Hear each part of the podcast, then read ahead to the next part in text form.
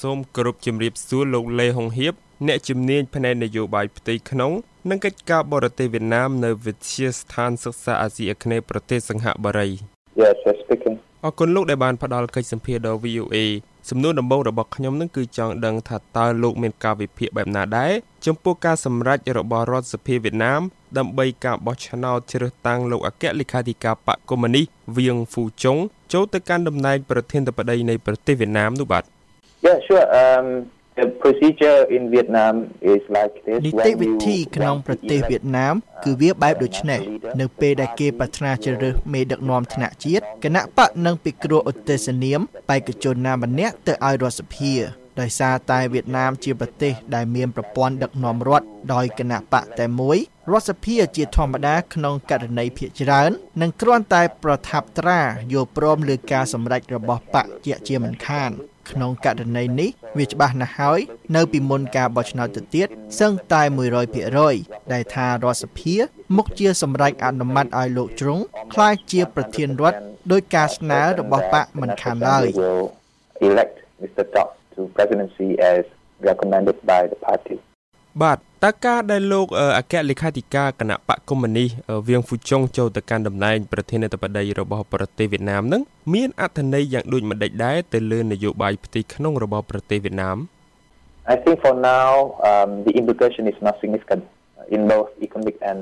ខ្ញុំគិតថាការចូលទៅកាន់តំណែងនេះมันជាផ្ដល់បំរែបំរួលអ្វីជាដុំកំភួនឡើយក្នុងពេលឥឡូវនេះ ទៅលើស្ថានភាពនយោបាយនិងសេដ្ឋកិច្ចរបស់ប្រទេសបើមើលលើជ្រុងសេដ្ឋកិច្ចគោលនយោបាយនានានឹងបន្តដដែលគ្មានអ្វីផ្លាស់ប្ដូរនោះទេ នៅក្រោយពេលដែលលោកជ្រុងត្រសពតំណែងប្រធានាធិបតីបើមើលលើជ្រុងនយោបាយវាអាស្រ័យទៅលើការដែលការរៀបចំបែបនេះ ដែលមនុស្សម្នាក់ជាលេខាបកផង ជាប្រធានរដ្ឋផងនឹងបន្តទៅដល់ឆ្នាំ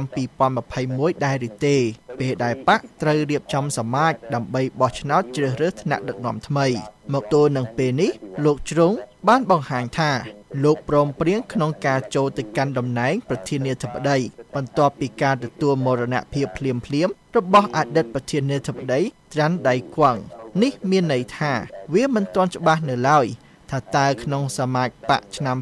2021ខាងមុខបកនឹងបន្តរបៀបនេះដែរឬទេ ដែលបកគោតែម្នាក់នឹងកាន់តំណែងជាអគ្គលេខាធិការបកផង ជាប្រធានរដ្ឋផងដោយអ្វីដែលលោកជ្រុងកំពុងតែធ្វើនេះហើយបើគេបន្តរបៀបរបបបែបនេះខ្ញុំគិតថាវានឹងបង្កើតជាបំលាស់ប្ដូរមួយចំនួន ក្នុងរយៈពេលយូរដល់ខ្សែបន្ទាត់នយោបាយនិងសេដ្ឋកិច្ចរបស់ប្រទេសវៀតណាមហើយវាអាស្រ័យទៅលើថាតើនរណានឹងអាចទៅជំនួសលោកជ្រុងហើយសម្រាប់ឥឡូវនេះដែលលោកជ្រុងកាន់ការជាលេខាបកផង ជាប្រធានរដ្ឋ នឹងមិននាំឲ្យមានបំលាស់ប្ដូរជាដុំកំភួនអ្វីឡើយដល់ប្រព័ន្ធនយោបាយវៀតណាម I don't think there will be any significant implications for Vietnam's political system. តើតិននឹងបញ្ហានឹងដែរនៅឯប្រទេសចិនអំណាចនិងអធិបតេយ្យរបស់លោកស៊ីជីនពីងដែលជាលេខាបកកុម្មុយនីសផងនិងជាប្រធានរដ្ឋផងបាននាំឲ្យមានការកែប្រែរដ្ឋធម្មនុញ្ញដើម្បីរំលាយការកំណត់អាណត្តិរបស់លោកនិងបើកលទ្ធភាពឲ្យលោកអាចកាន់តំណែងបានដោយគ្មានកាលកំណត់ករណីស្រដៀងគ្នានេះអាចកើតមានឡើងនៅប្រទេសវៀតណាមដែរឬទេបាទ I think it depends on what happens next uh, after this.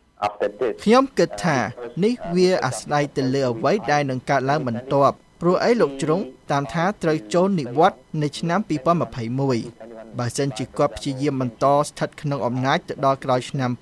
2021តាមរយៈដូចយ៉ាងផ្លាស់ប្ដូរធម្មនុញ្ញរបស់បកដើម្បីពង្រីកការកំណត់អាណត្តិដែរទេ ព្រោះនេះជាអាណត្តិទី2ហើយដែលលោកកាន់តំណែងជាអគ្គលេខាធិការគណៈបកហើយបើតាមបទបញ្ញត្តិដែលមានស្រាប់នៅក្នុងពេលបច្ចុប្បន្នរបស់បកលោកមិនអាចកាន់តំណែងនេះឆ្លងចូលទៅអាណត្តិទី3នោះទេបើសិនជាគាត់ព្យាយាមផ្លាស់ប្ដូរបទបញ្ញត្តិរបស់បកដើម្បីបន្តកាន់តំណែងក្នុងអាណត្តិបន្តបន្តទៀតនោះខ្ញុំគិតថាវានឹងជានិន្នាការដែលទំនងជានឹងកើតមាន ហើយលោកនឹងព្យាយាមធ្វើដោយអ្វីដែលលោកស៊ីជីនពីងកំពុងតែបានធ្វើនៅប្រទេសចិនយ៉ាងណាក្តីខ្ញុំគិតថាលទ្ធភាពដែលអាចចេញជាសេណារីយ៉ូបែបនេះមានតិចតួចខ្ញុំមិនគិតថាលោកនឹងមានមហិច្ឆតាធ្វើដោយអ្វីដែលលោកស៊ីជីនពីងធ្វើនៅប្រទេសចិននោះទេ នៅប្រទេសវៀតណាមប្រព័ន្ធនយោបាយមានចរិតពហុនិយម និងដាក់អត្ថិភាពដល់ការសម្រេចចិត្តក្នុងរូបមន្តព្រមព្រៀងផ្ទៃក្នុងតាមបែបផែនកុងសុងស៊ីសបើទោះជាលោកជ្រុងកំពុងតែកាន់តំណែងកម្ពុជាទាំងពីរក្នុងពេលតែមួយលោកក៏នឹងនៅតែត្រូវពិគ្រោះយោបល់ជាមួយនឹងការិយាល័យនយោបាយមជ្ឈិមបកនិងគណៈមជ្ឈិមនៅពេលដែលត្រូវធ្វើសេចក្តីសម្រេចចិត្តចម្បងចម្បងនានា ហើយបើទោះជានៅក្នុងសមាជបន្ទាប់របស់បកបើសិនជាលោកជ្រុងអាចនៅបន្ត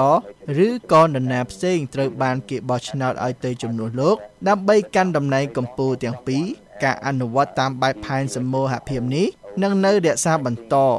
ហើយទាំងលោកជ្រុងឬអ្នកស្នងតំណែងលោកមិនទំនងជាមានអំណាចខ្លាំងដោយអ្វីដែលលោកស៊ីជីងពីងមាននៅប្រទេសចិននោះទេ លោកលេហុងហៀបនៅមុនសមាជគណៈបកឆ្នាំ2016គេនៅចាំបានអំពីការលេចលឺតេតិននឹងការប្រជែងតស៊ូអំណាចផ្ទៃក្នុង រវាងលោកលេខាបកវៀងហ្វូជុងនិងលោកអតីតនាយករដ្ឋមន្ត្រីវៀនតាន់យុងតើលោកយល់ថាការក្រសោបតំណែងកម្ពុជាក្នុងពេលតែមួយរបស់លោកជុងនឹងនាំឲ្យក្រុមប្រជែងផ្សេងទៀតនៅក្នុងគណៈបកចុះខ្សោយដែរឬទេបាទ I think at the moment the power structure in ខ្ញុំគិតថាទម្រង់អំណាចក្នុងប្រទេសវៀតណាមនាពេលបច្ចុប្បន្នមានលក្ខណៈប្រមូលពង្រួមច្រើនជាង2ឆ្នាំកន្លងទៅនេះដោយដែលលោកបានលើកឡើងអញ្ចឹងក្រោមរដ្ឋការចាស់មានការប្រទៀងប្រទង់តស៊ូអំណាចរវាងលោកជ្រុងនិងលោកដុងតែឥឡូវនេះมันមានសោះឡើយក្រុមណាផ្សេងទៀតដែលចង់ប្រជែងជាមួយលោកជ្រុងនិងសហការីរបស់លោក ជាមូលដ្ឋានมันមានចលនាប្រឆាំង អ្វីជារូបវ័ន្តនៅក្នុងបកទៅនឹងការចូលកាន់តំណែងប្រធានរដ្ឋរបស់លោកជ្រុងឡើយតាមពិតគណៈមជ្ឈិមរបស់បកបានបោះឆ្នោតជាឯកច្ឆ័ន្ទដើម្បីគ្រប់គ្រងការឧទ្ទិសនាមលោកជ្រុងទៅឲ្យសភាអនុម័តជាប្រធានាធិបតីខ្ញុំមិនគិតថានឹងមានការតស៊ូប្រវាយគ្នាតែក្នុងប្រឆាំងនឹងលោកជ្រុងនោះទេ នៅពេលនេះ តើលោកយល់ថាស្ថានភាពបែបនេះអាចបន្តឆ្លងផុតទៅដល់សមាជគណៈបកឆ្នាំ2021ដែរឬទេ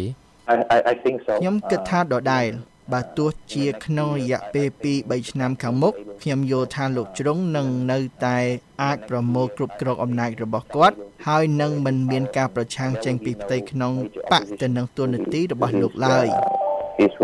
យើងនិយាយអំពីឋានៈកម្ពុជាឥឡូវខ្ញុំចង់សួរលោកអំពីថាតើសាធារណមតិរបស់វៀតណាម ប្រជាជនវៀតណាមនឹងមានប្រតិកម្មបែបណាដែរទៅលើការចូលទៅកាន់តំណែងប្រធានរដ្ឋរបស់លោកវៀងហ្វូជុងនោះបាទ because in Vietnam uh,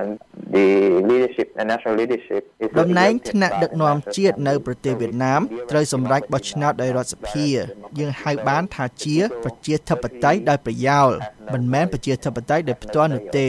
ហេតុនេះប្រជាពលរដ្ឋវៀតណាមពុំមានសម្លេងឬការសម្រេចអ្វីជារូបវ័ន្តនោះទេទៅលើការបោះឆ្នោតជ្រើសយកលោកជ្រុងមនុស្សម្នាជាច្រើន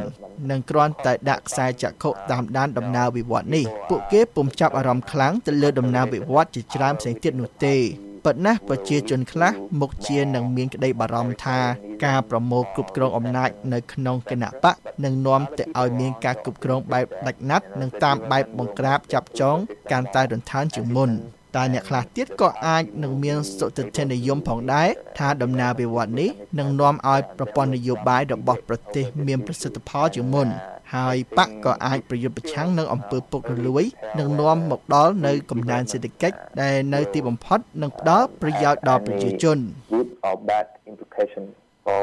uh, Vietnamese politics and the uh, people's daily lives in the future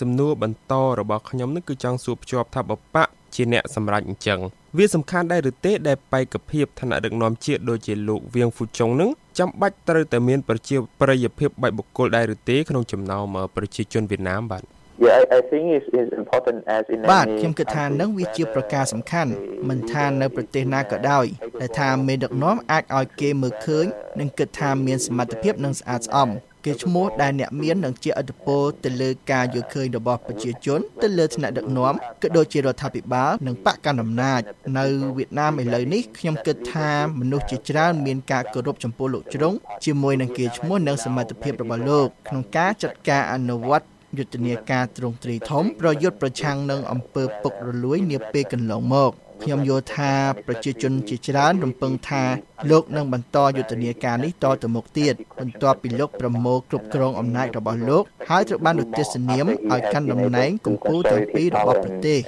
nominated to hold both positions តើតើនឹងបុគ្គលិកលក្ខណៈនយោបាយរបស់លោកវៀងហ្វូជុងអ្នកតាមដាននយោបាយវៀតណាមមួយចំនួនបានហៅលោកថាជាជនប្រកាន់តឹងក្នុងចំណោមថ្នាក់ដឹកនាំគណៈបកកុម្មុយនីសរបស់ប្រទេសមូលហេតុអ្វីដែលនាំឲ្យលោកក្លាយទៅជាជនប្រកាន់តឹងបែបនេះបាទ I think that's understandable uh, because Mr. រឿងនេះគេអាចយល់បានព្រោះលោកជ្រុងគឺជាលេខាបកដែលជាប្រមុខដឹកនាំរបស់បកម្លោះហើយការងារចម្បងរបស់លោកគឺរក្សាការពារវិន័យនិងការបន្តវត្តមានរស់រានមានជីវិតរបស់គណៈបកពេលខ្លះបើសិនជាមិនមានគោលនយោបាយតាមបែបប្រកាន់តឹងនោះទេលោកមិនអាចដើរតួនាទីជាចំណែករបស់លោកបានទេ ជាធម្មតា ក្នុងប្រទេសកុម្មុយនីសភាគច្រើនបុគ្គលជាប្រមុខដឹកនាំរបស់គណៈបកនឹងមានចរិតដឹកនាំតាមបែបផែនអភិរក្សនិយមនិងប្រកាន់គោលនយោបាយតឹងជាងអ្នកដទៃទៀតលើបញ្ហានយោបាយព្រមពេលជាមួយគ្នានាយករដ្ឋមន្ត្រីនឹងមាននិន្នាការសេរីនិយមជាងនេះព្រោះខ្លួនត្រូវទទួលកិច្ចការលើកកម្ពស់កំណែទម្រង់សេដ្ឋកិច្ចនិងកំណើនដែលខ្លួនត្រូវមាននិន្នាការសេរីនិយមជាងបែបនេះ promote economic reforms and economic growth so he tends to be more liberal លោករំពឹងដែរឬទេថាគោលនយោបាយការបរទេសនិងគោលនយោបាយជាមួយប្រទេសជិតខាងនឹងមានការប្រែប្រួលក្រោមការដឹកនាំរបស់លោកជុងជាប្រធានរដ្ឋវៀតណាមនោះបាទ I think there will be no change ខ្ញុំមិនគិតថានឹងមានអ្វីប្រែប្រួលនោះទេវៀតណាមទំនងជានឹងរក្សាគោលនយោបាយការបរទេសបច្ចុប្បន្នរបស់ខ្លួនខ្ញុំគិតថា នោះគឺជាការព្រមព្រៀងបែបកុងសុងស៊ីសក្នុងចំណោមថ្នាក់ដឹកនាំកម្ពុជាកម្ពុជារបស់វៀតណាម ទៅលើបញ្ហាថាត្រូវប្រាស្រ័យរាប់អានយ៉ាងដូចម្ដេចជាមួយប្រទេសចិន និងសហរដ្ឋអាមេរិកនេះមិនមែនជាគោលនយោបាយការបរទេសរបស់លោកជ្រុងនោះទេ តែជាគោលនយោបាយការបរទេសរបស់គណៈបកទាំងមូលតែម្ដងខ្ញុំគិតថាវៀតណាមដែលស្ថិតក្រោមការដឹកនាំរបស់លោកជ្រុង ជាលេខាបកនិងជាប្រធានរដ្ឋនឹងបន្តរក្សាគោលនយោបាយការបរទេសដែលមានស្រាប់របស់ខ្លួន Vietnam will uh, maintain its, its current policy សូមអរគុណលោកលេហុងហៀបបាទ You're very welcome